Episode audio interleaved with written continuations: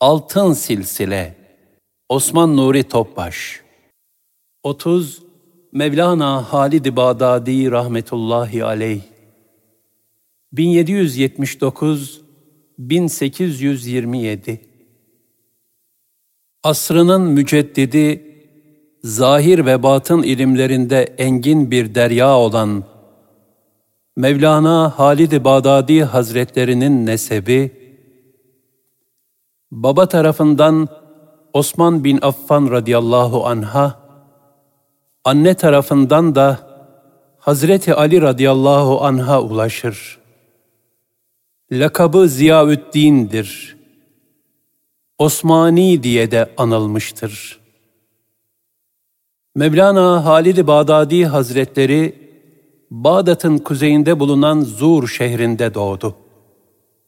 Daha genç yaşlarında keskin zekası, kuvvetli hafızası, sağlam iradesi ve çalışkanlığı sebebiyle zamanın akli ve nakli ilimlerinde gayet yüksek bir seviyeye ulaştı. Hesap, hendese, astronomi ilimlerine varıncaya kadar hemen hemen bütün sahalarda derinleşti. Hangi ilimden ne sorulsa derhal cevabını verir, ondaki yüksek zeka ve engin bilgi ummanı karşısında herkes hayrette kalırdı. Zamanın pek çok büyük aliminden ilim tahsil etti ve icazet aldı. Böylece devrindeki ulemanın ve tasavvuf erbabının en üstünü oldu.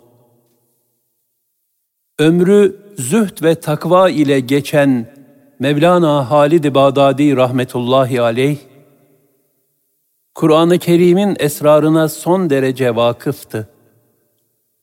O alimlerin alimiydi.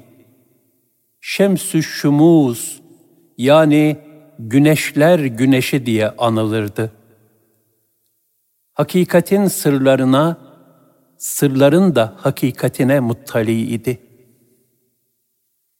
O daha icazet almadan ve talebeyken bile ilimde temayüz ederek herkesin alakasını çekmişti.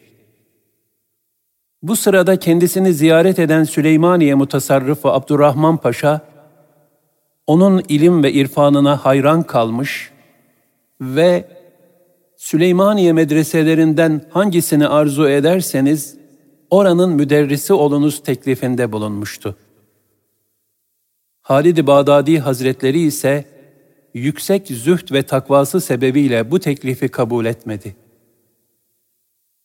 Henüz icazet almamış olduğu için ilim ananesine hürmeten, bu hizmetin ehli değilim dedi.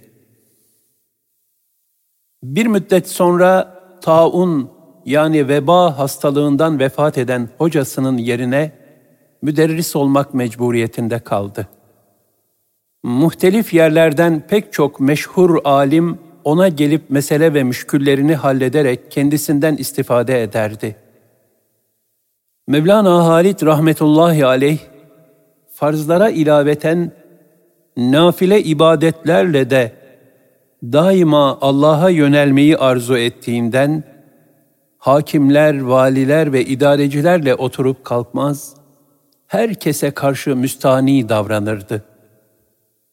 Mevlana Halid'in sözleri avam havas bütün insanlar üzerinde pek tesirliydi. Büyük alimlerin bile gıpta ettiği nezih bir hayat yaşardı. Herkes tarafından sevilen, pek sabırlı ve kanaat ehli bir hak dostuydu. Gözü yaşlı, gönlü cezbeli, yüzünde daima derin tefekkür izleri görünen, muhterem bir zat idi. Hicaz seferi. Yedi sene kadar ders okutan Halid-i Bağdadi Hazretleri, Resulullah sallallahu aleyhi ve sellem Efendimiz'e duyduğu engin muhabbetin şevkiyle 1805 senesinde Hicaz seferine çıktı. Yolda Şam alimlerinden çok hürmet gördü. Bu arada Mustafa Kürdi adında bir zattan Kadiri icazeti aldı. Ancak o tevazu ve mahviyet içinde bulunuyor ve kendisinin kemalat yolunda daha da mesafe kat etmesi gerektiğine inanıyordu. Bunun için Medine-i Münevvere'ye vardığında kamil bir veli bulup ona teslim olarak maneviyatını ilerletmek arzusundaydı. İşte o büyük ilim deryası bu haleti ruhiye ile Medine-i Münevvere'ye vardı. Bir gün orada nur yüzlü bir zata rastladı. Yemenli olan bu hak dostunun manevi cazibesine kapılarak, tıpkı cahil birinin alim bir zattan nasihat istemesi gibi, ondan öğüt talep etti. O zat da şöyle buyurdu. Ey Halit! Mekke-i Mükerreme'ye vardığında Kabe'de şayet edebe mugayir bir şey görürsen, muhatabın hakkında hemen suizanla kapılıp kendi kendine yanlış bir yorumda bulunma. Gözünü ve kalbini ayıp ve kusur aramaktan uzak tut. İç dünyanla meşgul ol. İlk bakışta kapalı bir ikaz mahiyetinde görünen bu ifade, gerçekte Halid-i Bağdadi Hazretleri ile onu asıl mertebesine iletecek olan Pir-i Kamil Abdullah Dehlevi arasındaki esrarengiz zuhurata bir işaretti. Ancak Mekke-i Mükerreme'ye vardığında oradaki manevi feyzin heyecanıyla adeta bir gönül sarhoşluğu içinde bulunan Halid-i Bağdadi rahmetullahi aleyh bir cuma günü dağınık kıyafetli, garip görünüşlü ve nur yüzlü bir derviş gördü. Dervişin Kabe'ye sırt çevirip kendisine nazar etmesi dikkatini çekti. İçinden şu zat Kabe-i Muazzama'ya karşı lazım olan edebi göstermiyor. Arkasını Kabe'ye dönmüş vaziyette oturuyor diye düşündü. Bu esnada sadır sadıra olan o zat Halid-i Bağdadi'ye Bilmez misin ki mümine hürmet Kabe'ye hürmetten daha eftaldir. Çünkü kalp nazargahı ilahidir. Selim bir kalp Beytullah'tır. O halde yüzümü sana arkamı Kabe'ye çevirmeme niçin itiraz ediyorsun? Medine-i Münevvere'de o salih kişiden dinlediğin nasihati ne çabuk unuttun dedi. Bu sözler üzerine Mevlana Halit rahmetullahi aleyh, bu kimsenin sıradan biri değil, büyük velilerden olduğunu idrak ederek özür diledi ve hemen ellerine sarıldı. Ey salih zat! Ne olur bana himmet et. Beni talebeliğe kabul eyle diye rica etti. O esrarengiz derviş, ufukların sırlı derinliklerine bakarak, senin fütühatın bu bölgede değil dedi. Sonra eliyle Hindistan yönünü işaret ederek, sana oradan irşat gelecek ve fütühatın orada olacak buyurdu. Yani manevi terbiyesinin Hindistan'ın Delhi şehrinde bulunan Abdullah Dehlevi Hazretlerinin irşadında kemale ereceğine işaret etti. Bu ifadeler Mevlana Halit Hazretlerine derinden tesir etti. Haç vazifesini ifadan sonra memleketi Süleymaniye'ye döndü. Tekrar ilim okutmaya başladı. Takvası ve güzel halleri her geçen gün artıyordu. Fakat gece gündüz Hindistan'ı düşünüyor, bu sebeple üzerinde daima hasret ve ızdırap eserleri görülüyordu. Fazla zaman geçmemişti. Halid-i Bağdadi Hazretleri bu haleti ruhiye içinde manevi ihtilaçlar yaşarken, bir gün Abdullah Dehlevi Hazretlerinin talebelerinden bir zat çıka geldi. Ona Hindistan'daki üstadından bahsedince, Mevlana Halit Hazretleri, bunun beklediği işaret olduğuna iyice kanaat getirdi ve derhal yol hazırlıklarına başladı. Medreseyi ve talebelerini bıraktı. Ancak kendisini çok seven talebeleri ve ahali onu Hindistan'a göndermek istemediler. Gideceği memleketin siyasi bakımdan son derece karanlık ve tehlikeli bir yer olduğunu, bu sebeple hayatından endişe ettiklerini söylediler. Bütün bunlara rağmen Halid-i Bağdadi rahmetullahi aleyh, Musa aleyhisselamın ilahi bir emirle Hızır aleyhisselamı arayıp bulmak ve ondan hikmet tahsil etmek yolunda gösterdiği azmi kendisine örnek alarak, Abı hayat arıyorsan, karanlığa gitmelisin dedi ve Hindistan'a gitmekte kararlı olduğunu ifade etti. Hindistan Seferi Halid Bağdadi rahmetullahi aleyh, kısa zamanda hazırlıklarını tamamladı ve Dehlevi Hazretlerinin müridi ile yola koyuldu. Halid-i Bağdadi rahmetullahi aleyh, kısa zamanda hazırlıklarını tamamladı ve Dehlevi Hazretlerinin müridi ile yola koyuldu. Bütün varlığını kaplayan üstadına kavuşma iştiyakıyla dağları ve ovaları aşmaya başladı. Uğradığı her şehirde ilmi ve ruhaniyetiyle derin tesirler bırakıyor ve ayrılırken şehrin alimleri, valisi, kumandanları ve halkı tarafından büyük bir hayranlık ve alaka ile uğurlanıyordu. Bu arada Lahor şehrine bağlı bir kasabada Mazhar Canı Canan Hazretlerinin halifelerinden Allame Mevlana Senaullah'ı ziyaret etti. Kendisi burada başından geçenleri şöyle anlatır. Bu kasabada bir gece kaldım. Rüyada Abdullah Dehlevi Hazretlerinin beni kuvvetle kendine doğru çektiğini gördüm. Hayretler içinde uyandım ve Mevlana Senaullah'ın huzuruna gittim. Ben daha bir şey söylemeden, kardeşimiz ve seyyidimiz olan Abdullah Dehlevi'nin huzur ve hizmetlerini cana minnet bilmeli. Ey Halit! Onun huzurunda ve hizmetinde bulunmak, sana vaat olunan nimetlere kavuşman için yegane vesiledir. Bu vesileye sımsıkı sarıl. İhlas ve teslimiyet düsturunu bir an bile unutma dedi. Bunun üzerine derhal oradan ayrılarak Delhi'ye doğru yola çıktım. Yemin ederim ki üstadımın huzuruna varmadan 40 gün evvel onun latif manevi esintileri ve işaretleri bana gelmeye başladı. Hatta muhterem üstadım benim yolda olup feyz menbaı eşiğine gelmekte olduğumu dostlarından bazılarına haber vermiş.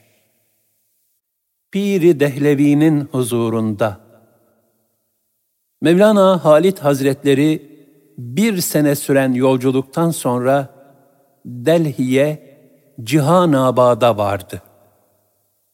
Yol için yanına aldığı bütün eşyayı fakirlere infak etti. Kendi kendine, ''Ey Halit, bütün ömrün liderlikle geçti. Biraz da kendini o şaha hizmet eden köle yap.'' diyerek hemen Abdullah Dehlevi Hazretlerinin huzuruna koştu. Üstadından Nakşibendiye yolunun bütün esaslarını büyük bir dikkat ve iştiyakla alıp hayatına tatbik etmeye başladı. İlmi derecesini bir tarafa bırakarak mütevazı bir şekilde üstadının hizmetinde manen mesafe kat etmeye gayret ediyordu. Dergahın hizmetlerine koşuyor, temizlik yapıyor, dervişler için abdest suyu hazırlıyor, bunun dışında kalan vakitlerde de hep zikir, murakabe ve mücahede ile meşgul oluyordu. İhvan, sohbet ve zikir için toplandığında, Mevlana Halit en arka safta, ayakkabıların yanında otururdu. Hizmet ve sohbet haricinde ise insanlara karışmazdı.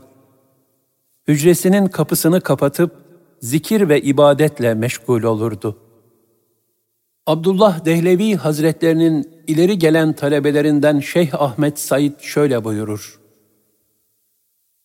Mevlana Halid'in hücresi, üstadımızın huzuruna geldiği günden memleketine döndüğü ana kadar hep kapalı dururdu. O zaruret olmadan dışarı çıkmazdı. Derunundaki sırrı bir alemde yaşıyordu. Bu ruhani haller neticesinde çok yüksek mertebelere nail oldu. Hakka vasıl olmak isteyen müritlerin de böyle olmaları lazımdır. Bu esnada senelerden beri ilmini, kabiliyetlerini işiten Delhi alimleri ve şeyhleri, Mevlana Halit rahmetullahi aleyh ile görüşmek üzere geliyorlardı. Ancak o öyle bir yalnızlık içine gömülmüş, kendi ruh dünyasına dalmış vaziyetteydi ki, onlara fakir buraya geliş maksadıma ulaşmadan hiçbir şeyle meşgul olamam, beni mazur görün diye haber gönderiyordu. Dışarıdan gelen misafirlere hoş geldine gidilir nezaketine uyarak, Hindistan'ın büyük velisi Şah Abdülaziz Hazretleri de ziyaretine gelmişti. Yanındaki müridi Mevlana Halide, Hindistan'ın üstadı sizinle görüşmek istiyor dediğinde, Halid-i Bağdadi rahmetullahi aleyh de aynı nezaketle kendisine selam söyleyiniz. Maksadıma ulaştıktan sonra bizzat ben onun ziyaretlerine geleceğim diye cevap verdi. Halid-i Bağdadi rahmetullahi aleyh bir gün Hela taşlarını temizleme işinde bir hayli yorulmuştu. Nefsi bir an onu zayıf bulup gönlüne bir takım vesveseler vermeye başladı. Ey Bağdat ve Şam diyarlarının eşsiz ilim deryası! Ey agniya ikliminin Mevlana Halidi! Deli mi veli mi olduğu belirsiz bir kişinin sözüyle kalktın, nice yollar aşarak ta buralara kadar geldin. Hani aradığını buldun mu? Baksana ortada ne talim terbiye var, ne seyr sülük. Aylardır gece gündüz sana hela temizletmekten başka ne yaptılar? Bu muydu senin aradığın ledünni ilim? Bu tehlikeli iva karşısında şiddetle irkilen Halid-i Bağdadi Hazretleri, nefsinin önüne çekmek istediği gaflet perdesini ihlas, samimiyet ve teslimiyet saikasıyla derhal parçalayarak Ey nefsim! Şayet mübarek hocamın verdiği şu şerefli vazifeyi minnet bilmeyip bir nefes bile ondan imtina edecek olursan, sana yerleri süpürgeyle değil, sakalımla süpürtürüm dedi.'' Onun bu halini Abdullah Dehlevi Hazretleri uzaktan tebessümle seyrediyordu. Bu hadiseyle birlikte nefsinin son hamlelerini de mağlup eden Mevlana Halid'in kovasını ve süpürgesini artık meleklerin taşımaya başladığını gördü. Ayrıca o ana kadar su taşımaktan yara içinde kalmış olan omuzlarından semaya doğru uzanan bir nur parıldamaya başlamıştı. Buna son derece memnun olan Hazreti Pir bu müstesna talebesini yanına çağırdı. Oğlum Halit, ilimde eşsiz bir mertebeye ulaşmıştın. Ancak onu maneviyatla tezyin etmen gerekliydi. Bunun için de nefis terbiyesi ve kalp tasfiyesine ihtiyacın zaruri idi. Yoksa nefsin seni gurur ve kibir bataklığına sürükleyip helak edecekti. Elhamdülillah ki şu an nefsini ayaklar altına alarak kemalatın zirvesine tırmandın. Artık işini melekler görür oldu. Evladım, kendilerine intisap etmiş olduğumuz seyitlerimiz, şeriat, tarikat, hakikat ve marifete ermiş kimselerdir. Şimdi sen bir müceddit olarak onların bir halkası oldun. Artık bütün iklimlerin irşadı seni bekliyor. Allah Teala himmetini âli eylesin. Abdullah Dehlevi rahmetullahi aleyh, hizmet, mücahede ve çetin riyazetlerle vazifelendirdiği bu büyük talebesiyle bundan sonra sık sık halvet oldu. hususi ve deruni dersler okuttu. Daha beş ay geçmeden Üstadı Abdullah Dehlevi rahmetullahi aleyh ona huzur ve müşahede ehlinden olduğunu müjdeledi. Mevlana Halit rahmetullahi aleyh üstadının göz bebeği haline geldi. Basit hizmetleri dahi büyük bir tevazu ile ifa ederek nefsini iyice küçük düşürüyor, ağır riyazetlerle nefsinin arzularını kırmaya gayret ediyordu. On ay sonra zamanının bir tanesi ve hak dostlarının numune-i imtisali haline geldi. Nihayetinde üstadı ona Nakşibendiye, Kadiriye, Sühreverdiye, Kübreviye ve Çeştiye tarikatlerinde tam ve mutlak icazet verdi.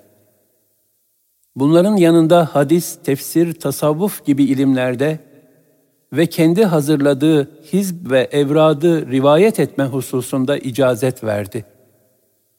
Sonra da kat'i bir emirle memleketine gidip maneviyata susamış insanları irşad etmesini söyledi.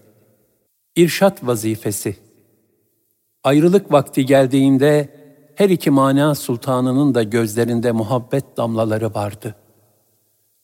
Mevlana Halit Hazretlerinin gelişiyle gidişi arasındaki fark ne kadar da büyüktü. Abdullah Dehlevi rahmetullahi aleyh bu güzide talebesini bizzat yolcu etti. Hatta Mevlana Halit Hazretlerinin bütün mahcubiyet ve edebine rağmen Hazreti Pir atının üzengisini tuttu ve bu aziz talebesini kendi elleriyle ata bindirdi. Halife ve talebeleriyle birlikte onu dört millik mesafeye kadar uğurladı. Ardından yanındakilere Halit her şeyi aldı götürdü buyurdu.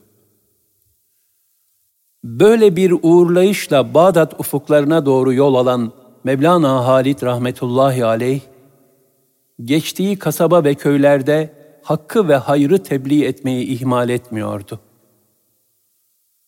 Halid Bağdadi Hazretlerinin irşat halkası hızla genişledi. Her taraftan hatta uzak diyarlardan büyük alimler de dahil olmak üzere pek çok kişi feyz almak için yanına gelmeye başladı. Dergah-ı şerifi dolup taşıyordu. Bir taraftan grup grup gelen insanları irşad ediyor, diğer taraftan da tefsir, hadis, fıkıh ve tasavvuf ilimlerini tedris ediyordu.''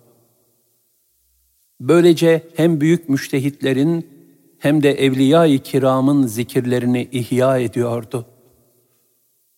O günlerde Bağdat valisi Said Paşa ziyaretine gelmişti. Gördü ki birçok büyük alim dahi sessiz bir şekilde ve başları önlerine eğik, adeta hizmetçiler gibi edeple huzurda oturmaktalar. O sırada içeri giren Mevlana Halit Hazretlerinin heybetini görünce, diz çöküp titremeye başladı.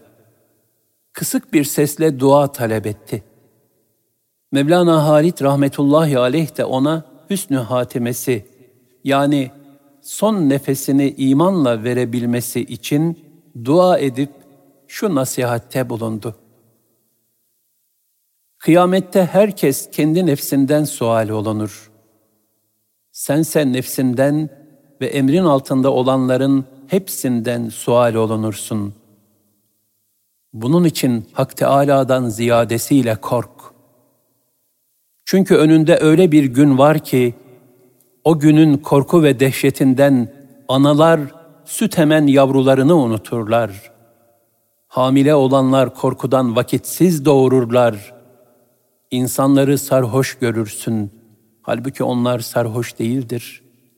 Ancak Allah Teala'nın azabı çok şiddetlidir. Bu ikaz ve irşat ifadeleri üzerine Said Paşa'nın titremesi arttı ve yüksek sesle ağlamaya başladı. Şeyh Hazretleri kalkıp mübarek elini paşanın boynuna koydu ve beraberce mescide bitişik olan zaviyelerine geçtiler.'' Mevlana Halit rahmetullahi aleyh sayısız talebe yetiştirmiştir. Talebelerinin ona olan teslimiyet ve bağlılıkları ise takdire şayandı. Nitekim Bağdat müftüsü Esad Sadruddin Hazretleri, alimlerin şeyhi, Bağdat valisi ve vezir Davut Paşa'nın üstadı olduğu halde şöyle derdi. Eğer hocam Mevlana Halit Hazretleri bana şu süt tenceresini başının üstüne al da çarşı pazar dolaşarak satı ver diye emir buyursalar, hiç tereddüt etmeden emirlerine tabi olur ve bir çoban gibi süt satardım. Şeyh Ali Süveydi de ilim meclislerinde Mevlana Halit Hazretleri zahir ve batın ilimlerinde sonsuz bir derya, biz ise bir damlayız derdi. Halid-i Bağdadi rahmetullahi aleyh, Üstadı Abdullah Dehlevi Hazretlerine yazdığı mektubunda, nice eser telif etmiş olan geniş ilim sahibi yüz alimin icazete elverişli hale geldiğini, ayrıca 500 büyük alimin de kendisinden Nakşi yolunun esaslarını talim ettiğini ifade buyurmuştur. Yüksek derece ve ilimlerine rağmen Bağdat alimlerinin Mevlana Halit Hazretlerine gelip itaat ve intisap etmeleri, ondan başkasına müyesser olmayan bir lütfu ilahidir. Ancak fazilette yükselen herkesin karşısına adeta onu imtihan sadedinde mutlaka çekemeyenlerin çıkması gerçeğine binaen, Mevlana Halid'i de kıskananlar oldu. Hatta onu kötülemek için iftiralarla dolu bir kitap bile yazdılar. Ancak Mevlana Halit rahmetullahi aleyh, onların iftira ve ithamlarına asla iltifat etmeyip karşılık bile vermedi. Aksine onlara daima iyi davrandı ve hayır dualarda bulundu. Bazı alim talebeleri bu kitaplara reddiyeler yazdılar. İstanbul'daki hasetçilerinden biri olan saray nazırlarından Mevlevi Halet Efendi de Mevlana Halid'in şöhret ve itibarını çekemiyordu. Nihayet bir gün fırsatını bulup onu padişaha çekiştirdi. Ve sultanım on binlerce adamı var. Bu hal devlet ve saltanat için ciddi bir tehlikedir. Takdir ederseniz ki tehlike daha fazla büyümeden ortadan kaldırılması zaruridir dedi. Sultan Mahmud Han da bu mübarek ehli dinden devlete zarar değil, bilakis büyük fayda vardır cevabını vererek Halit Efendi'nin sözüne kıymet vermedi. Mevlana Halit Hazretleri hadiseyi işittiğinde kendi şahsına değil, hizmetinde bulunduğu manevi yola ve ondan feyz alan sayısız mümine zarar verebilecek bu iftiradan dolayı son derece mahzun oldu. Sultana hayır dua ettikten sonra Halet Efendi'nin işi manen Piri Celaleddin Rumi Hazretlerine havale olundu. Bizzat Hazreti Mevlana onu huzuruna celbedip cezasını verecektir buyurdu. Bunun üzerinden kısa bir müddet geçmişti ki, Mora isyanına sebep olduğu için Halet Efendi Konya'ya sürüldü ve ardından da idam edildi. Görüldüğü üzere Allah dostlarına eziyet verip rakik kalplerini incitmek, gayretullah'a dokunup kişiyi azaba düçar eder. Nitekim bir hadisi kutsi'de bu hakikate şöyle işaret edilmektedir. Her kim benim veli bir kuluma düşmanlık ederse, ben ona karşı harp ilan ederim. Cenab-ı Hak kimi zaman böyle gafillerin cezasını bu dünyada verip, onları insanlara ibret kılar. Kimi zamansa ilahi imtihan sırrına binaen onların cezasını ahirete tehir eder. Hak dostları ise kendilerine karşı kusur işleyenler hatalarını anlayıp özür dilediklerinde derhal özrü kabul eder. Bunu asla bir izzeti nefis ve gurur meselesi yapmazlar. Hatta sırf şahıslarını alakadar eden, ümmete zarar verme ihtimali bulunmayan kötülüklere bile iyilikle mukabele ederler. Nitekim arif ve aşık gönüllerde müstesna bir yeri olan Hallacı Mansur'un taşlanırken, Ya Rabbi, benden evvel beni taşlayanları affet diye yalvararak, büyük bir gönül isarı sergilemesi, bunun sayısız misallerinden biridir. Yine büyük Evliyaullah'tan Bahaüddin Nakşibend Hazretleri de, kendisine karşı edepsizlik yapan birine kızmayıp, onu tebessümle karşılamıştı. Fakat o edepsizliği yapan kimse büyük bir derde düşüp helak olacak duruma geldi. Hatasını anlayıp tövbe etti. Nakşibend Hazretleri o adamın evinin önünden geçerken içeri girip hal hatırını sordu. Ardından da Allah Teala şifa vericidir. Korkma. İyileşirsin inşallah dedi.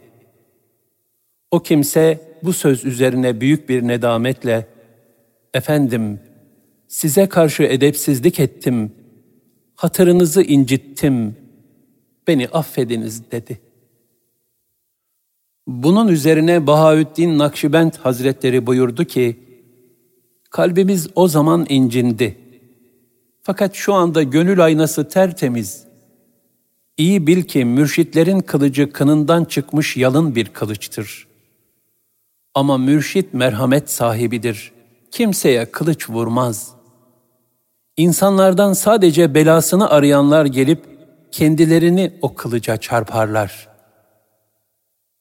Velhasıl Halid Bağdadi Hazretlerine haset eden bazı kimselerin menfi propagandalarına rağmen etrafındaki muhabbet halesi Cenab-ı Hakk'ın lütfuyla günden güne daha da genişledi.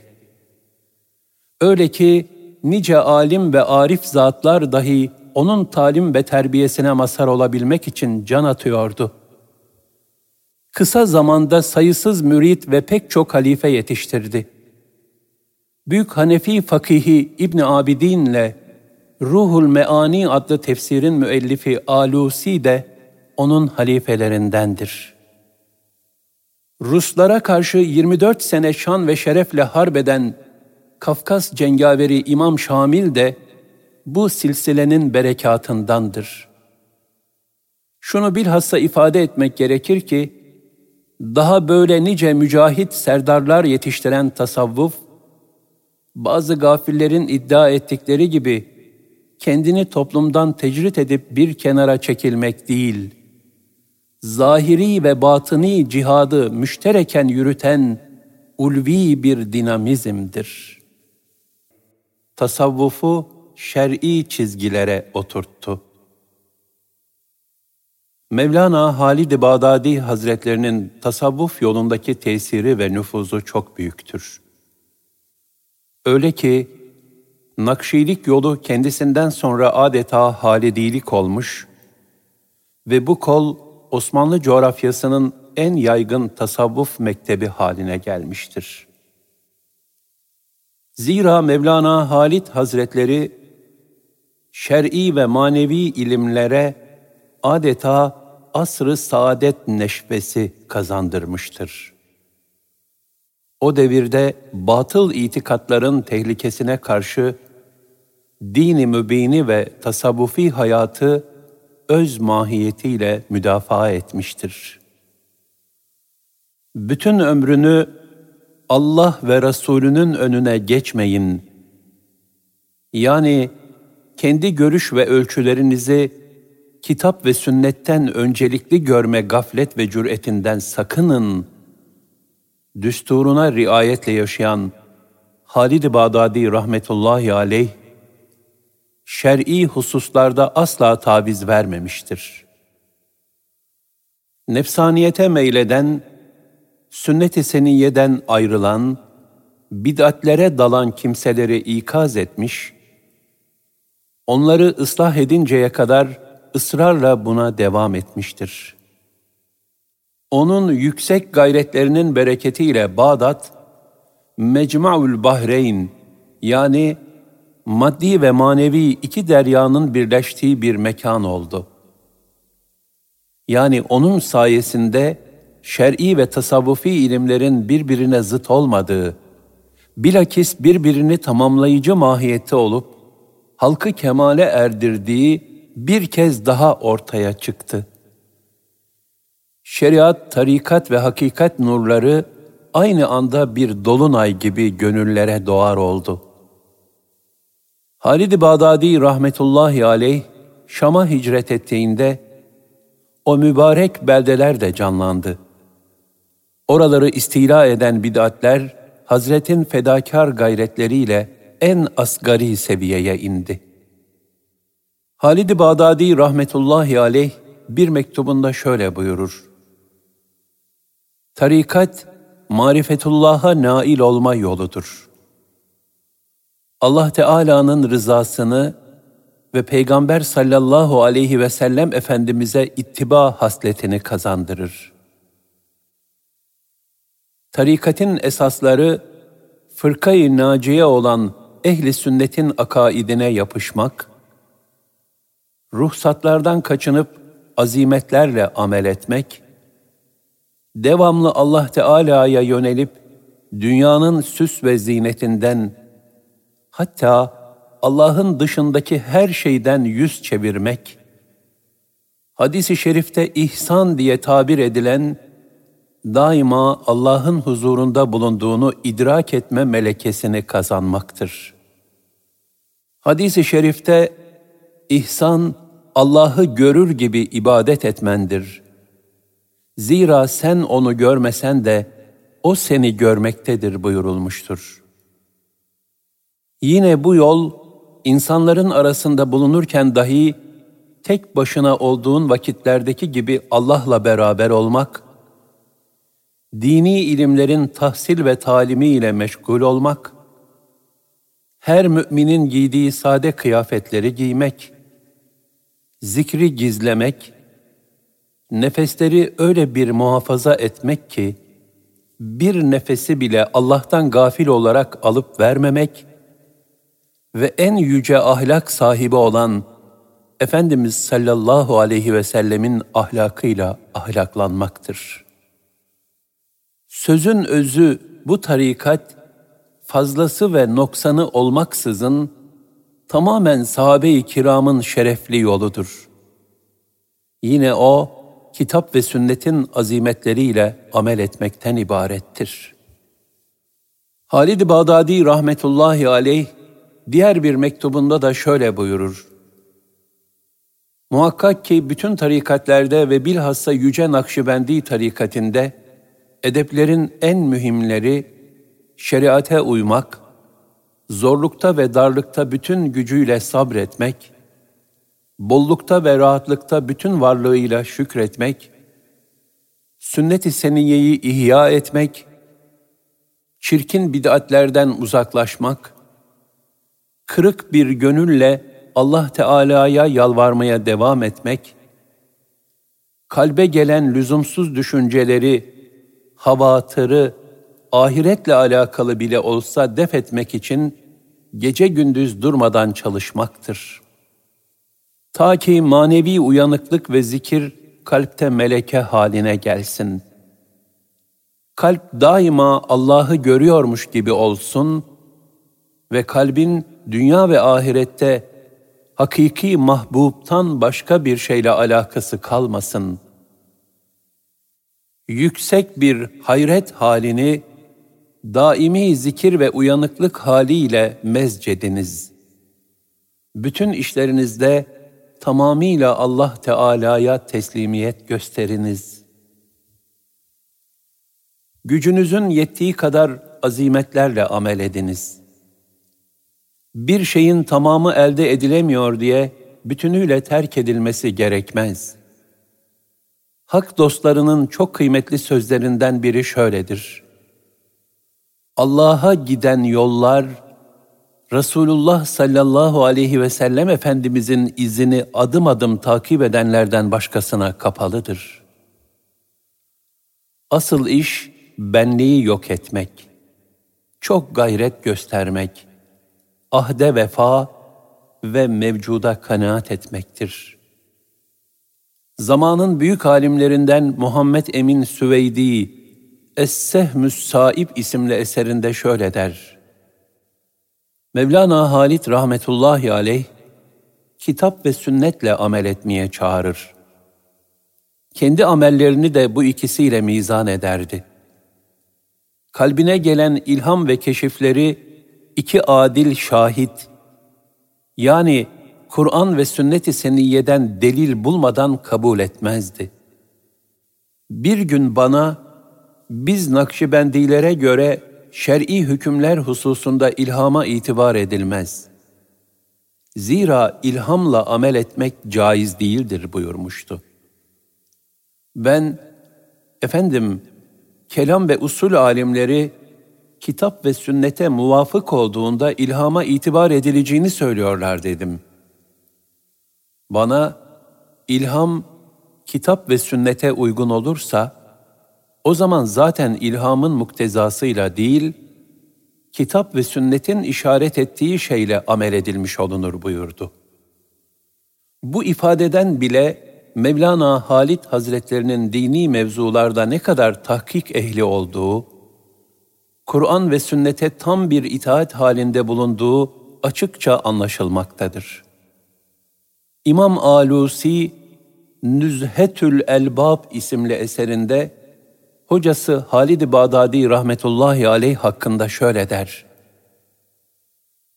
Faziletlerle dolu bir gençlik yaşamış ve İslam'ın güzelliklerini etrafına tevziye etmiştir. Ehli sünnet vel cemaat yolunda yürüme hususunda gayet azimlidir. Bir anını bile boş geçirmez. Ya ilmi bir meseleyi halletmekle veya ibadetle meşgul olur. Zahiri, davranışları ve ahlakı çok güzeldir. Kalbi feyizli, gönül alemi nurludur. Sözün kısası, asrımızda hiç kimse onun kadar bütün faziletleri kendinde toplayamamıştır. Ben onun benzerini görmedim. Hanefi fıkıh alimlerinden İbni Abidin de, Üstadı Halid-i Bağdadi Hazretlerinden şöyle bahseder. Dünyaya ve ehline meyletmezdi. Daima Allah'a yönelirdi. Farz ve nafile türünden muhtelif ibadetlerle kendini Allah'a verirdi. Devlet erkanının yanına gidip gelmezdi. İyiliği tavsiye, kötülükten nehyetme ve ilahi ahkamı tebliğ hususunda hiç kimseye taviz vermezdi. Kınayanların kınaması kendisini Allah yolunda yürümekten alıkoymazdı. Sözü tesirli, ahlakı çok güzeldi. Devamlı azimetlerle amel ederdi.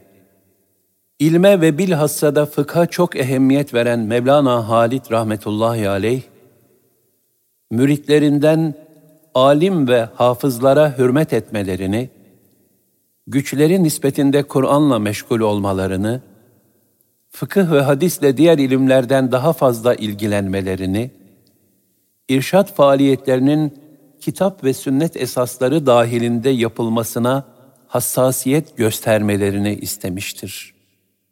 Böylece onlara tarikatın hedeflerine ancak şeriate sımsıkı sarılmakla ulaşılabileceğini telkin etmiştir.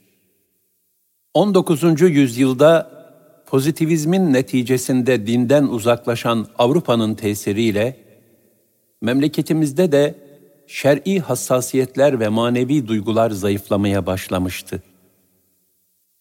İşte bu zamana tesadüf eden halidiliğin yayılması başlayan bu menfi cereyanlara engel olma hususunda pek müstesna bir vazife görmüştür.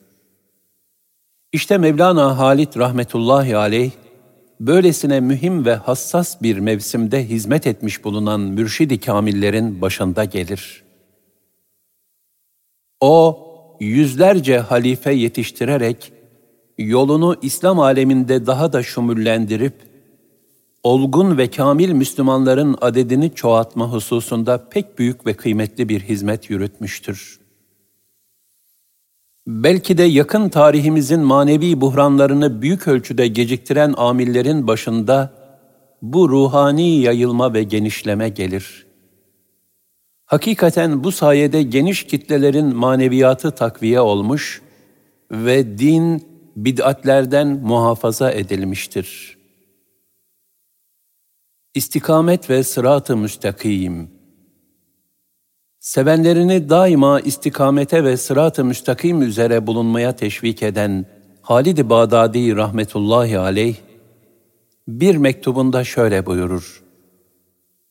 Cenab-ı Hak'tan bizler ve sizler için istikametin devamını dileriz.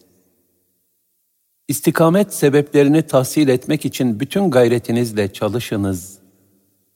Zira istikamet bin kerametten daha hayırlıdır. Sizlere sünnetlerin ihyası, çirkin bid'atlerin yok edilmesi ve İslami ilimlerin neşredilmesiyle ihlas üzere meşgul olmanızı tavsiye ederim.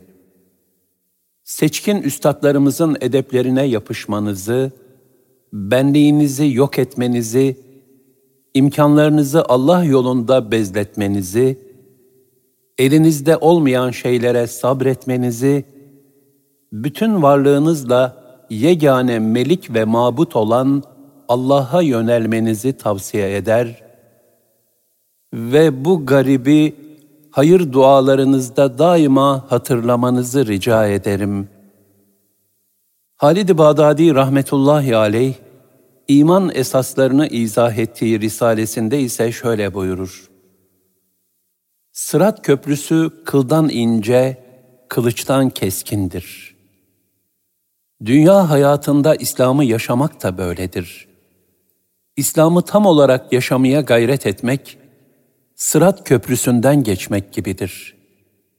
Burada nefse karşı mücadele güçlüğüne katlananlar, orada sıratı kolay ve rahat geçeceklerdir.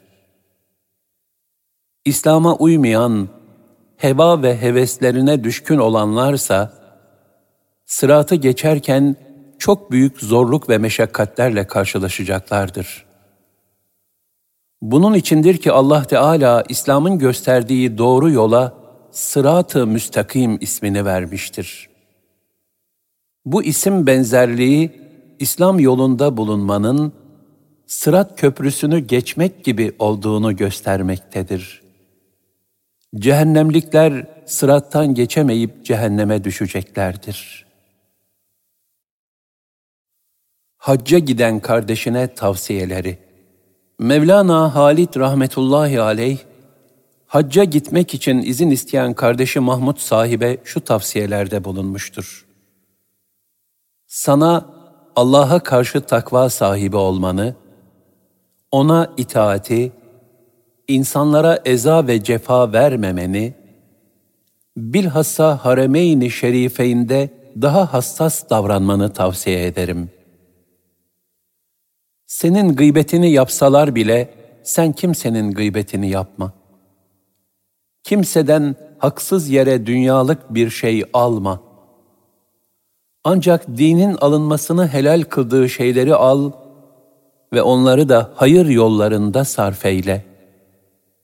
Mümin kardeşlerinin evladı iyali aç dururken, sen bu malı nefsani arzuların için harcayarak zevku safa peşinde olma.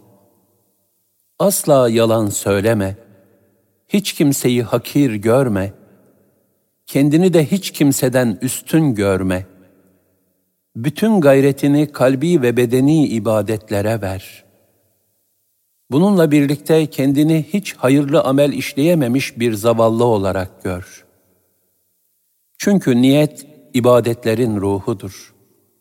İhlas olmadan da niyet mümkün değildir. Senden daha büyük olanlara bile ihlas gerekirse sana nasıl gerekmesin?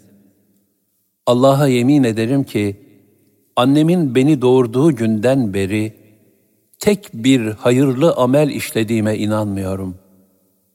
Sense beni kendinden daha hayırlı görüyorsun.'' Eğer kendi nefsini bütün hayırlı işlerde iflas etmiş olarak görmüyorsan, bu cehaletin en son noktasıdır. Kendini iflas etmiş olarak görünce de sakın Allah'ın rahmetinden ümidini kesme. Zira Allah Teala'nın fazlu ihsanı kul için bütün insanların ve cinlerin amelinden daha hayırlıdır. Cenab-ı Hak şöyle buyuruyor. De ki, Allah'ın lütfuyla, rahmetiyle, evet, ancak bununla ferahlasınlar. Bu, onların toplayıp biriktirdiklerinden daha hayırlıdır.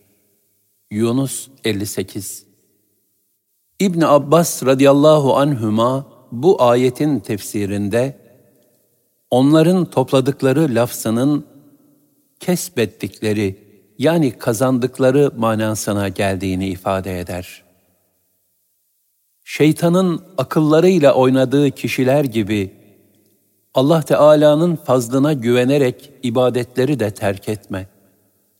Kalbi zikre devam et. Yolda yürürken dahi bu zikirde zayıflık gösterme. Bütün işlerinde Allah Teala'nın gücüne, kuvvetine ve kudretine sarıl.'' Sadat-ı kiramın ruhaniyetinden yardım iste. İlim erbabına ve Kur'an-ı Kerim hafızlarına hürmet göster. Yapabildiğin kadar Kur'an-ı Kerim'le meşgul ol. Fıkıh ilmiyle diğerlerinden daha fazla meşgul ol. Kalbi huzurunu devam ettirme gayretin seni bunlardan alıkoymasın.'' Zira kalpteki daimi zikir haliyle zahiri işleri birlikte götürememek, meşrep darlığının ve zayıflığın alametidir. Teheccüd, işrak, evvabin, duha gibi nafile namazlara devam et. Devamlı abdestli bulunmaya gayret et. Az uyu. Günde üç defa şu tesbihi çek. Sübhanallahi ve bihamdihi adede halkihi ve rıza nefsihi ve zinete arşihi ve midade kelimatihi. Ben Allah'ı mahlukatı sayısınca, kendisinin hoşnut olacağı kadar, arşının ağırlığınca ve bitip tükenmeyen kelimeleri adedince uluhiyet makamına yakışmayan sıfatlardan tenzih eder ve ona hamd ederim. Senden talep etseler bile idarecilerin işlerine karışma. Müslümanların imamının, vezirlerinin, emirlerinin ve askerlerinin ıslahı ve salihlerden olması için dua et. Cenab-ı Hak'tan İslam'ın kafirlere ve bid'atçilere galip gelmesini talep et. Senin yapman gereken şey, benliğini terk etmek, bütün cehdü gayretini Allah yolunda bezletmek, elinde bulunan mala kanaat etmek ve makamı Mahmud sahibinin sünnetine sıkıca sarılmaktır. Sanat yönü İlim ve tasavvufta zirve bir şahsiyet olan Halid-i Bağdadi Hazretlerinin şiir sahasında da müstesna bir liyakati vardır. Yazdığı şiirler, onun ruhi derinliğinin terennümleriyle dolu bir sır ve hikmet deryasıdır. Bu büyük deryanın toplandığı bir Farsça divanı vardır ki, güzelliğiyle gönülleri hayretler içinde bırakır.'' Divanı mütalaa edildiğinde Halid-i Bağdadi Hazretlerinin gönlünde daima bir mahşer kaynadığı görülür. Onun Cenab-ı Hakk'a, Peygamber Efendimiz sallallahu aleyhi ve selleme, Kabe'ye ve üstadına olan muhabbeti gönlünden taşarak, adeta inci taneleri halindeki gözyaşlarıyla kalemine mürekkep olarak akar.'' Oradan da emsalsiz bir sanat harikası olarak mısralara dökülür. İlahi muhabbete dair beyitlerinden birkaçının manası şöyledir. Ey Rabbim! Sana hakkıyla hamdü senada asla bulunamam. Zaten böyle bir şeyi iddia etmek, ölüm kokusunu alan bir kişi için ahmaklıktır. Vallahi bana ebedi bir hayat verilse ve benim Allah'a hamdü sena etmekten başka bir işim olmasa, vücudumdaki her kıla binlerce lisan konuşabilen iki bin dil verilse, kalbime vesvese vererek beni meşgul etmemeleri için nefs ile şeytan benden uzaklaştırılsa, ben de bütün varlığımla hiç ara vermeden ömrümü onun hamdü senasına sarf etsem, bütün bu yaptıklarımla bir tek nimetin bile hamdini ifa edemem. Nerede kaldı ki tek tek veya tamamıyla bütün nimetlerine şükredebileyim. Zira şükretmek de ayrı bir nimettir. Resulullah sallallahu aleyhi ve sellem Efendimiz'e duyduğu aşk ve muhabbetle nazmettiği beyitlerden birkaçının manası da şöyledir. Selam olsun sana ey peygamber ki, yeryüzü istirahatgahın olduğundan beri kara toprak, mavi gökyüzüne karşı yüz naz etmektedir. Selam olsun sana ey peygamber ki, yüksek mertebelerin en yükseği bile, senin Allah'a yakınlık mertebenden yüz binlerce sene daha aşağıdadır. Ey bütün mahlukatın en hayırlısı! Ben nerede, sana selam vermek nerede?'' Sana alemlerin Rabbinden her dem yüzlerce selam olsun. Ey asilerin sığınağı! Sayısız hatalarımla beni himayene alman için kapına geldim. Ah o mübarek ayağını bastığın eşiği her zaman doya doya öpebilsem. Ey gönül uyanık ol.''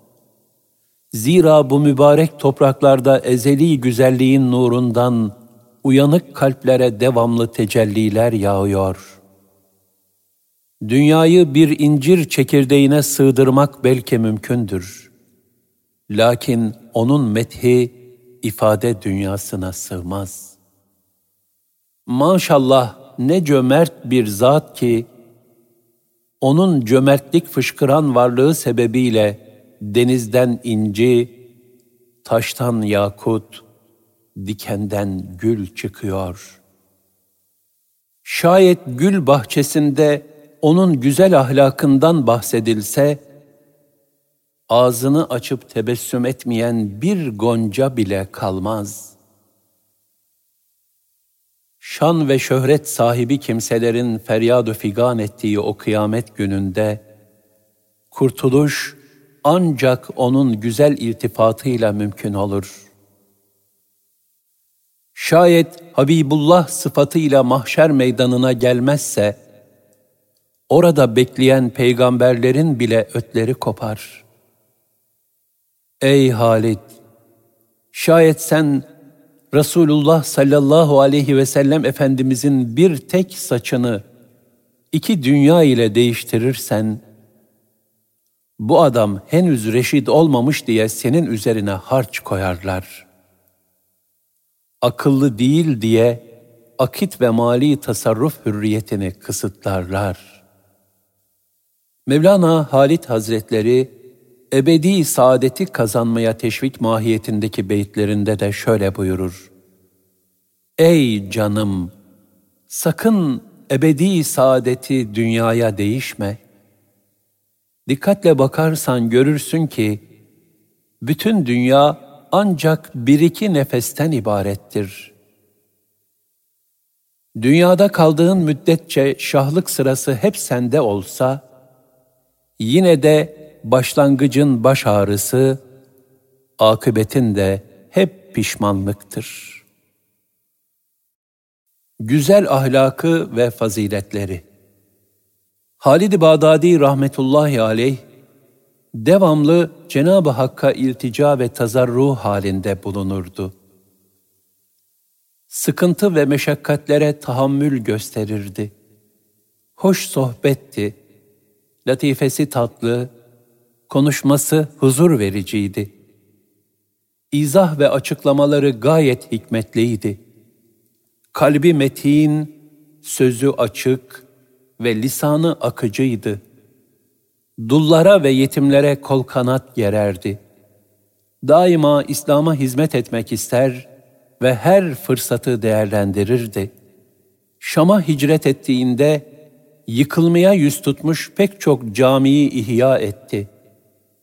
Oraları namazların ikamesi ve evradu eskarla şenlendirir, ilahi emir ve nehilere riayet hususunda halkı irşad ederdi. Mevlana Halit rahmetullahi aleyh son derece heybetli ve vakar sahibiydi. Yeme, içme, giyme, uyuma, oturma, kalkma ve diğer fiillerinde Peygamber Efendimiz sallallahu aleyhi ve sellemin sünnet-i seniyyesine titizlikle riayet ederdi. Hizmetlerinde bulunanlar onun herhangi bir sünneti veya ilahi emri terk ettiğini hiç görmediklerini ifade ederlerdi. Hatta takva sahibi bazı alimler onunla bir sene beraber bulunarak mescide giriş ve çıkışta daima sağ ayağıyla girdiğini ve sol ayağıyla çıktığını gördüler. Onlar da bir kez olsun sünnete uymayan bir fiiline rastlayamadılar. Bu sebeple pek çok alim Resulullah sallallahu aleyhi ve sellemin sünneti hususunda emin bir şahsiyet diyerek ona intisap etti. Halid-i Bağdadi rahmetullahi aleyh, cömertlerin sultanıydı. İhsan ve merhamet sahibiydi. Fakirlere, gariplere, yetimlere son derece şefkatle infak ve ihsanda bulunurdu. Onların şahsiyetlerini hiç rencide etmezdi.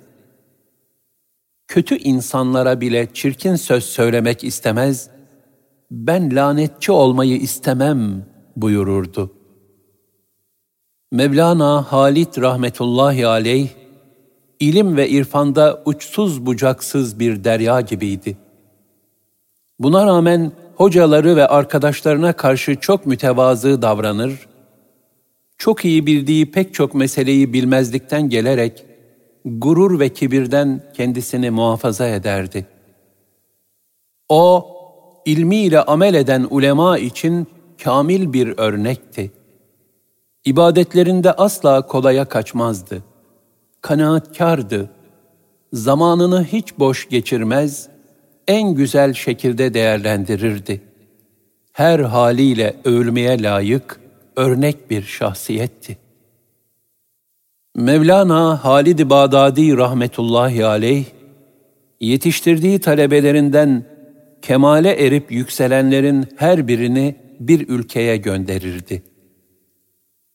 Böylece her tarafa şeriat, tarikat, hakikat ve marifet feyizlerinin dağılmasını temin yolunda büyük hizmet görürdü. Ölü kalpleri Cenab-ı Hakk'ın lütfuyla canlandırır, manevi bir bahar ikliminde yaşatırdı. Niceleri uzak diyarlardan gelip onun talebesi olmaya adeta can atardı.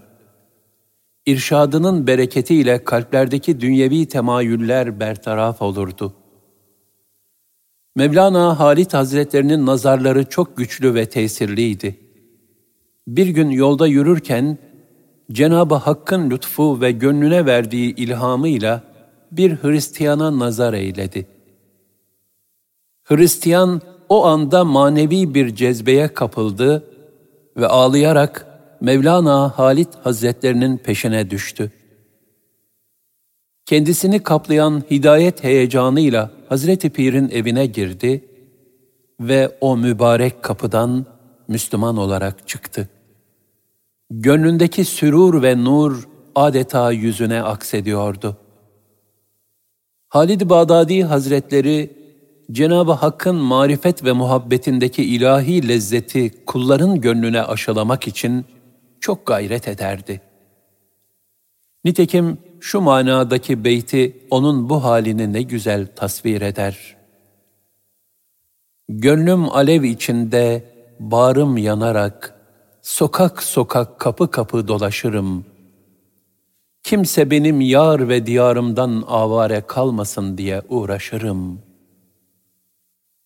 Üstadı Abdullah Dehlevi rahmetullahi aleyh, Halid-i Bağdadi Hazretleri alakalı olarak Rumeli alimlerine yazdığı bir mektupta, onun sahip olduğu manevi kıymet ve dereceyi şöyle ifade buyurur.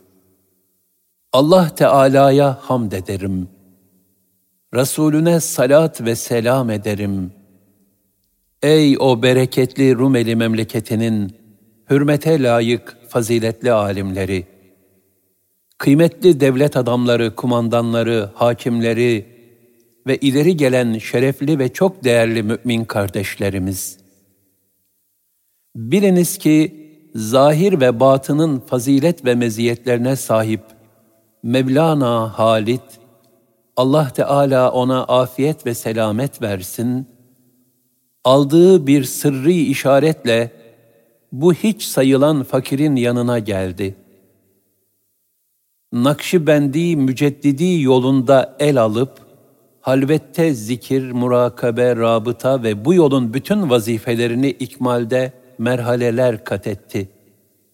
Allah Teala'nın inayeti ve büyüklerimizin himmetiyle daimi zikre, uyanıklığa, hiçliğe, varidata, manevi keyfiyetlere ve sırrı hakikatlere kavuştu.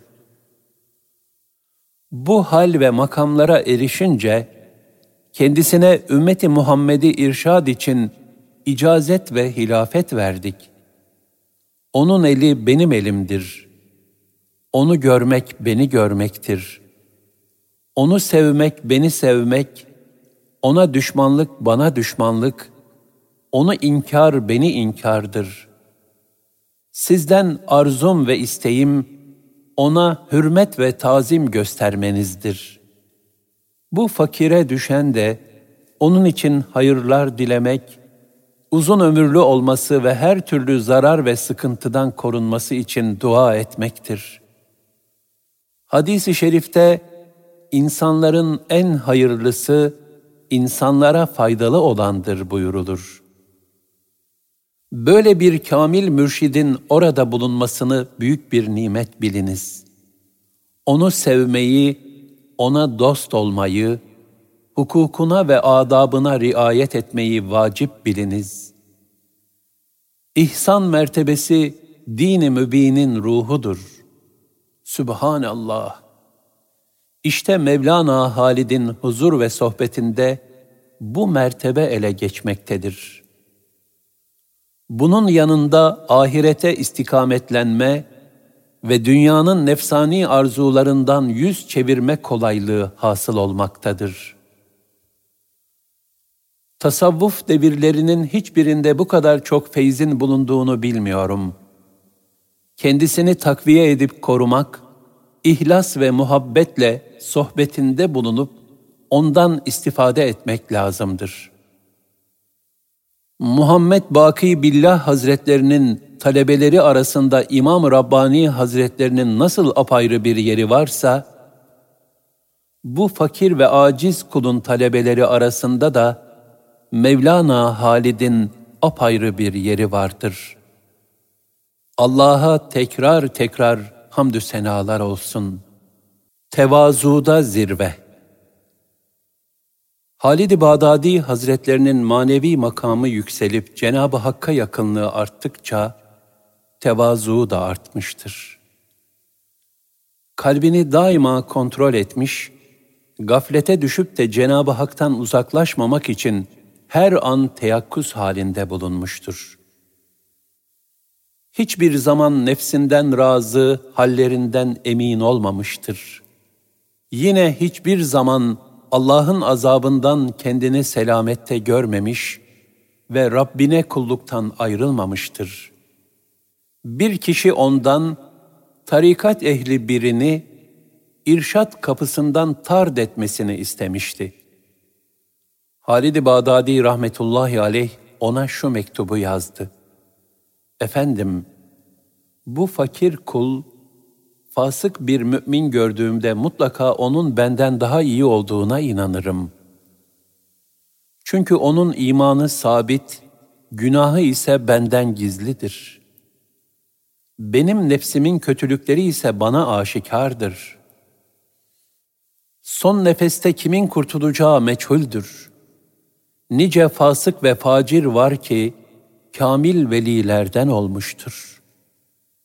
Nice vera sahibi salih kişiler de vardır ki, aşağıların en aşağısına düşmüşlerdir. Allah Teala'dan kendime, sana ve bütün Müslümanlara afiyet dilerim. Hasılı benden daha faziletli olduğuna inandığım halde, bir kişiyi bu yoldan tard etmem mümkün değildir. Hemen hemen her mektubunda, muhatabından son nefeste imanla vefat edebilmek ve İslam'ı hayatın her alanına en güzel şekilde yansıtabilmek için dualar talep etmiştir. Bunlardan birkaç misal şöyledir. Sizden ricam, hüsnü hatime ile son nefesi imanla vererek Rabbime kavuşabilmem ve mahlukatın en hayırlısı sallallahu aleyhi ve sellemin sünnetine tabi olabilmem için dualarınızda beni hatırlamanızdır. Güzel ahlakınızdan ve şerefli tabiatınızdan ricam, bu miskini sünnet-i seniyeye istikamet üzere bağlı kalabilmem ve tertemiz İslam dini üzere ölebilmem için duadan unutmamanızdır. Mektupların cevaplarını yazmam için ısrar etme. İnsanların mektuplarıyla uğraştığımda birçok hayırdan mahrum kalıyorum. Kim beni seviyorsa hüsnü hatime ve sünnet-i seniyeye ittiba hususunda muvaffak olmam için dua etsin. Ben de aynı şekilde ona dua ediyorum. Fazla mektuplaşmaya hacet yok. Halid-i Bağdadi rahmetullahi aleyh, acziyetini ve kusurlarını hiç unutmaz, her an gözünün önünde tutardı. İnsanın kulluk yolundaki hata ve kusurlarına mazeret bulmaktan vazgeçmesi ve aczini itiraf edip istiğfara sarılması gerektiğini ifade ederdi. Bunu şiirlerinde şöyle dile getirmiştir. Dün akıl beni tenkit ederek, ey günahkar, yaptığın kötü işlerden dolayı iyice mahcup oldun dedi. Benimle akıl arasındaki mücadele sabaha kadar devam etti. O hep beni kınarken ben mazeretler ileri sürüyordum. Sonunda yalvararak akla dedim ki, Ey bütün incelikleri gören akıl! Madem özür beyanı geçerli değil, o halde ben ne yapmalıyım?'' Dedi ki, ben kusurluyum. Suçumu itiraf ediyorum. Mahcubiyetimden dolayı güçsüz, utangaç ve şaşkınım demelisin. Benden salih bir amel asla sadır olmadı. Günahlarımsa o kadar çok ki sözle anlatılamaz.'' Ben kötü amellerimden dolayı utanmaktayım. Ne ihlasla yaptığım bir ibadetim var, ne de özür beyan edecek bir dilim. Ömrüm lüzumsuz ve dağınık işlerde boşa geçti, yazık. Hiçbir vakit kıyamet ve ahireti aklıma getirmiyorum, yazık. Zavallı ben, her an nefsani arzular üzerine bina kuruyorum. Bu sebeple amel sarayımın temelleri çok zayıf olacak. Yazık. O koskoca ilim ve irfan deryası, ilahi azamet karşısında bütün varlığıyla hiçlik katresinin sonsuz ufuklarına dalmış, böylece hak katında gittikçe artan bir manevi zenginliğe ve erişilmez mertebelere nail olmuştur. Vefatı Şam'da müthiş bir taun, veba hastalığı zuhur etmişti. Bu sebeple Mevlana Halit rahmetullahi aleyh şehirden çıkmak istemedi. Ahaliye de taundan ölenlerin şehit olacağı hakkında hadisi şerifler okudu. Bu esnada bir kimse geldi ve "Efendim, dua edin de bana taun bulaşmasın." diye yalvardı. Hazreti Pir dua etti ve bu şahsa taun hastalığı bulaşmadı. Efendim kendiniz için de dua etseniz denilince Rabbime kavuşmayı istememekten haya ederim buyurdu. Şuna da dikkat etmek gerekir ki her mümin hem kendisinin hem de diğer hastaların şifası için Rabbine yalvarmalı, şifa sebeplerine tevessül etmelidir. Halid-i Bağdadi Hazretlerinin bu hadisedeki tavrı ise bulunduğu manevi makama has bir durumdur. Hatta bu hal enbiya ahlakından bir akistir. Nitekim Hak Teala Eyüp Aleyhisselam'ı çok çetin imtihanlardan geçirmiş. Bu imtihanlardan biri olarak da onun vücuduna ağır bir hastalık vermişti.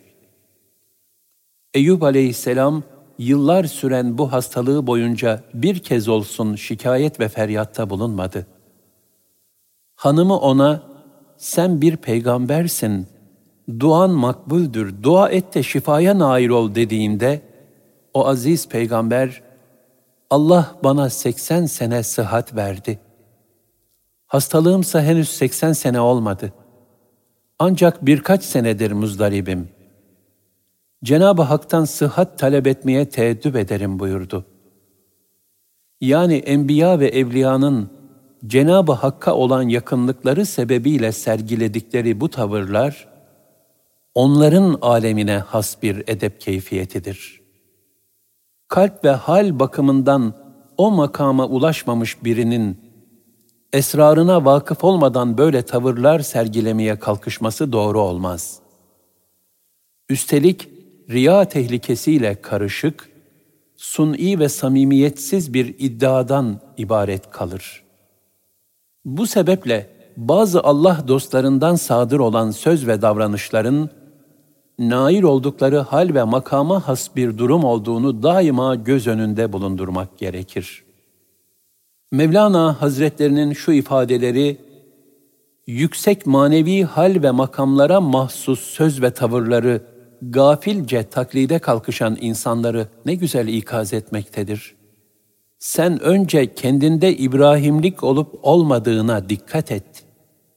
Çünkü ateş yalnız İbrahim gibi Hakka layıkıyla teslim olanları tanır ve yakmaz. Oğullarından önce Bahaüddin, bir müddet sonra da Abdurrahman tauna yakalanıp vefat etti. Mevlana Halit rahmetullahi aleyh, evlatlarının definleri sırasında kendi rıhletinin de yakın olduğunu hissetti. Talebelerine kabrini hazırlamalarını söyledi ve nereye defnolunacağını bildirdi. Talebeleri bu emri yerine getirme hususunda gönüllerini saran ayrılık elemi sebebiyle biraz tereddüt ettiler. Bunu gören Mevlana Halit rahmetullahi aleyh, Şeyh Abdülkadir'i yanına çağırdı ve kabrimi muhakkak bugün kazın. Çünkü kazarken bir taşa rastlayacaksınız. Eğer onu kırmayı vefat günüme bırakırsanız, kabrimi belki vaktinde hazırlayamazsınız dedi. Emri derhal yerine getirildi. Bir gün Mevlana Halit Hazretleri, Şeyh İsmail Gazzi'ye, bütün kitaplarımı vakfettim buyurdu. O gün vefat eden ikinci oğlu Abdurrahman dolayısıyla taziyeye gelenleri kabul etti.'' Ziyaretçiler gittikten sonra Şeyh İsmail Efendi'ye, bugün yanımda kalınız dedi. Sonra da insanların Mevlana Halit keramet izhar ediyor demelerinden korkmasaydım, bugün bütün sevdiklerim ve dostlarımla vedalaşırdım. Öyle zannediyorum ki bu cuma gecesi büyük yolculuğa çıkıyorum buyurdu. O esnada kendisine getirilen yemeğe bakarak, bu ve bundan başka yemeklerden yemeyeceğim. Ölümü isteyen hem de yemek yiyen birini gördünüz mü hiç buyurdu. İbn Abidin Hazretleri şöyle anlatır. Vefat eden oğlu sebebiyle taziyede bulunmak üzere Üstadım Halid Bağdadi Hazretlerinin huzur alilerine çıktım. Nurlu çehresinin tebessüm ettiğini gördüm. Bana kalbimde bu acı hadiseye üzülmekten ziyade hamd ve rıza hali bulunduğu için Allah'a hamd ediyorum buyurdu. Sonra salı günü bir daha ziyaretlerine gittim ve efendim iki gecedir rüyamda Hazreti Osman bin Affan'ın vefat etmiş olduğunu ve benim de cenaze namazını kıldırdığımı görüyorum dedim. Bu fakir Hazreti Osman'ın evladındandır buyurdular. Sanki bu rüyada kendisinin kastedildiğine işaret ediyorlardı. İbn Abidin bu rüyayı anlattığına çok pişman oldu ve kederlendi. Mevlana Halit Hazretleri tıpkı Mevlana Celaleddin Rumi Hazretleri gibi ölümü adeta bir şebi arus olarak karşılıyor ve etrafındakilere şu tavsiyelerde bulunuyordu. Malımın, arazilerimin, hatta evimin üçte birini hayır işleri için vasiyet ettim. Vasilerim, kabrimin yakınlarına hayrat olarak bir su sarnıcı yapsınlar. Benim kabrime çocuklarım, akrabalarım ve halifelerimin kabirleri üzerine tazim ifadeleri olmadan ve lakap kullanmadan işaret koysunlar. Mesela bu kerim olan Mevlasının rahmetine muhtaç, filan oğlu filan en nakşibendi el müceddidinin kabridir gibi bir ibare yazsınlar. Malımın üçte birinin bin kuruşunu namaz iskatım için versinler. Fakir kardeşlerimizin iaşeleri bu üçte birden temin edilecektir. Onlara yemek hazırlayınız. Medresede namaz kılmayı ihmal etmeyiniz. Orada hatmi hacegan yapılmasını da istiyorum. Sakın benim ardımdan şekil ve şemailimi sayarak ve bağırıp çağırarak ağlamak suretiyle ruhuma eziyet etmeyiniz. Her yana bu yollu mektuplar yazarak vefatıma hiç kimsenin üzülmemesini ve ağlamamasını tembih ediniz. İmkanı bulunan ve muhabbetinde sadık olan kişilerin kurbanlar kesip sevabını bana hediye etmesini isterim. Bazı sekir ehlinin dediği gibi arkamdan sadaka gönderilmesine ve Kur'an okunmasına ihtiyacım yok demiyorum. Bilakis Fatiha ve İhlas-ı Şeriflere çok ihtiyacım var. Sizler beni hoş görünüz. Diğer beldelerdeki bütün mensuplarım da haklarını helal etsinler. Hepiniz birlik ve ittifak içinde olunuz. Benliği ve nifakı terk ediniz. Kabirde gözümü aydın edecek ameli salihler işleyiniz.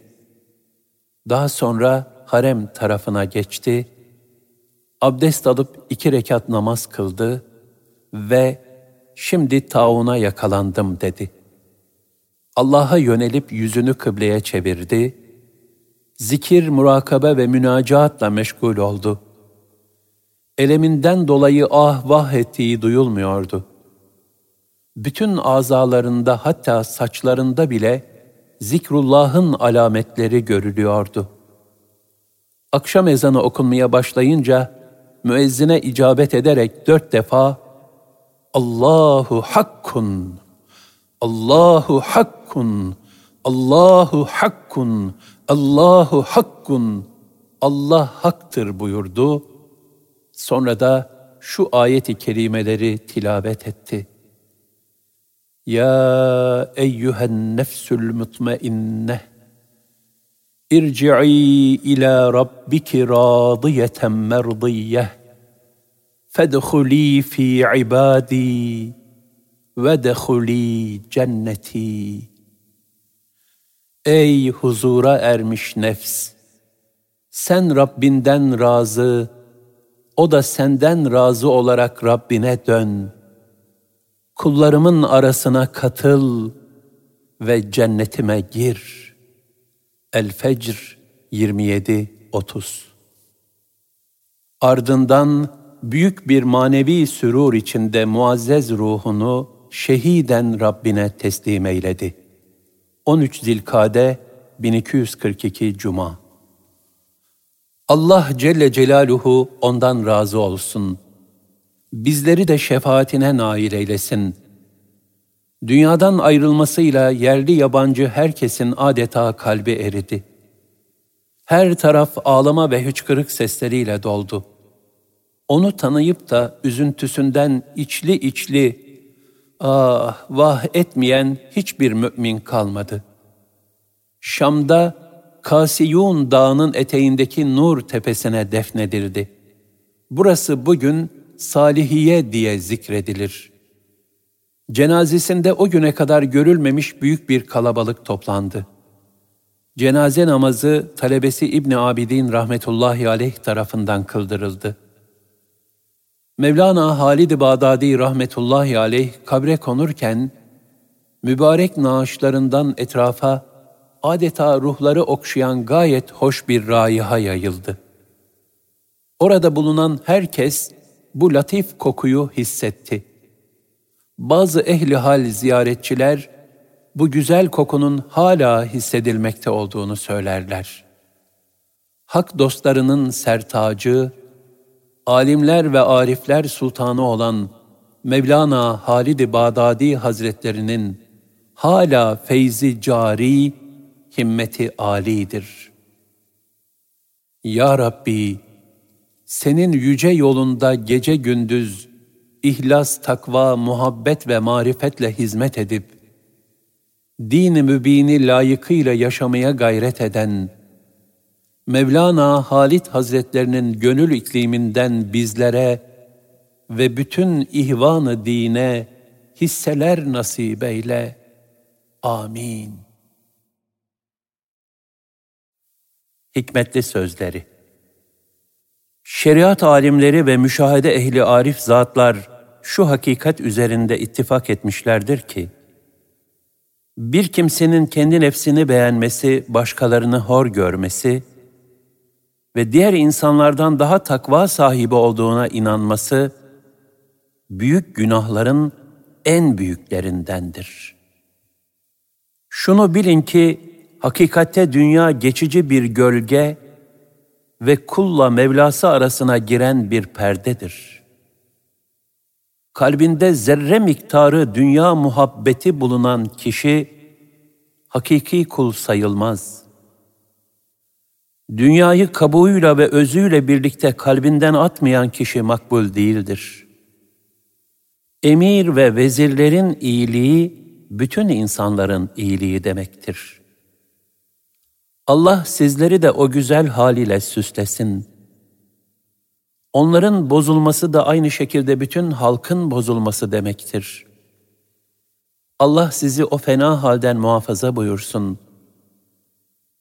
Peygamber Efendimiz sallallahu aleyhi ve sellem duayı herkese umumi olarak yapmamızı emir buyurmuştur. Hiç şüphe yok ki tebliğ edilmese bile sufilerin adeti kerem sahibi vezirlere, diğer bütün Müslümanlara ve İslam'a dua etmeye azami derecede itina göstermektir. Sizlere çokça zikretmenizi, devamlı Cenab-ı Hakk'a irtica etmenizi, fani dünyanın süslerinden yüz çevirmenizi, baki olan ahirete çok fazla rağbet etmenizi, ölümü ve kabirdeki yalnızlığı hatırlamanızı,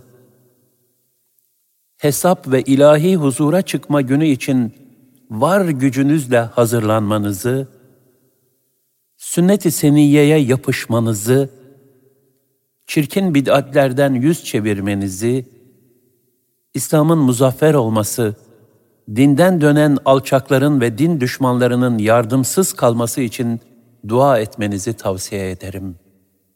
bütün fiil ve sözlerinizde kendi güç ve kuvvetinizden vazgeçerek Allah'ın güç ve kudretine sıkıca sarılın. Her virdin bir varidi, gönle doğan ilhamı vardır. Batın ashabı denilen ilahi sırlara vakıf ariflerden, hatta nebilerden feyz alabilmek, üç ana sebebe bağlıdır. Bunlar ihlas, edep ve ehlullah'a muhabbet beslemektir. Zira feyz ancak ehlullah'tan alınır. Bir müridin kalbinde ihlas yoksa veya Evliyaullah'a karşı edebe mugayir hareketleri varsa, hak dostlarının feyiz dolu derunları bu müride meyletmez. Muhabbetse feyzin artmasına sebeptir. Bu üç şey bir kişide ne kadar çok olursa, o kadar fazla feyz almasına vesile olur. Halid-i Bağdadi Hazretleri meşhur Cibril hadisini şerh ederken, Cebrail aleyhisselamın gelip Resulullah sallallahu aleyhi ve sellem Efendimizin huzuruna diz çökerek, dizlerini Efendimizin dizlerine dayaması hadisesinden bahsederken şöyle buyurur. Cebrail aleyhisselamın böyle oturması adaba muhalif gibi görünüyorsa da, onun bu hali şu mühim hususları talim etmektedir. Dini bilgileri öğrenme hususunda utanmak doğru değildir. Üstada gurur ve kibir yakışmaz. Cebrail aleyhisselam bu haliyle ashab-ı kirama, herkesin dini meselelerini muallimlere serbestçe ve sıkılmadan sorup öğrenmesi lazım geldiğini anlatmıştır. Zira dini öğrenme, öğretme ve Allah Teala'nın hakkını ödeme hususunda haya edilmez. İslam'la şereflenen bir kişi nasıl olur da geceyi tamamen uykuya verip Allah Teala'nın emanetini muhafaza etmez? Cenab-ı Hakk'ın bize en mühim emanetlerinden biri seherlerde kalkıp kıyama durmaktır.''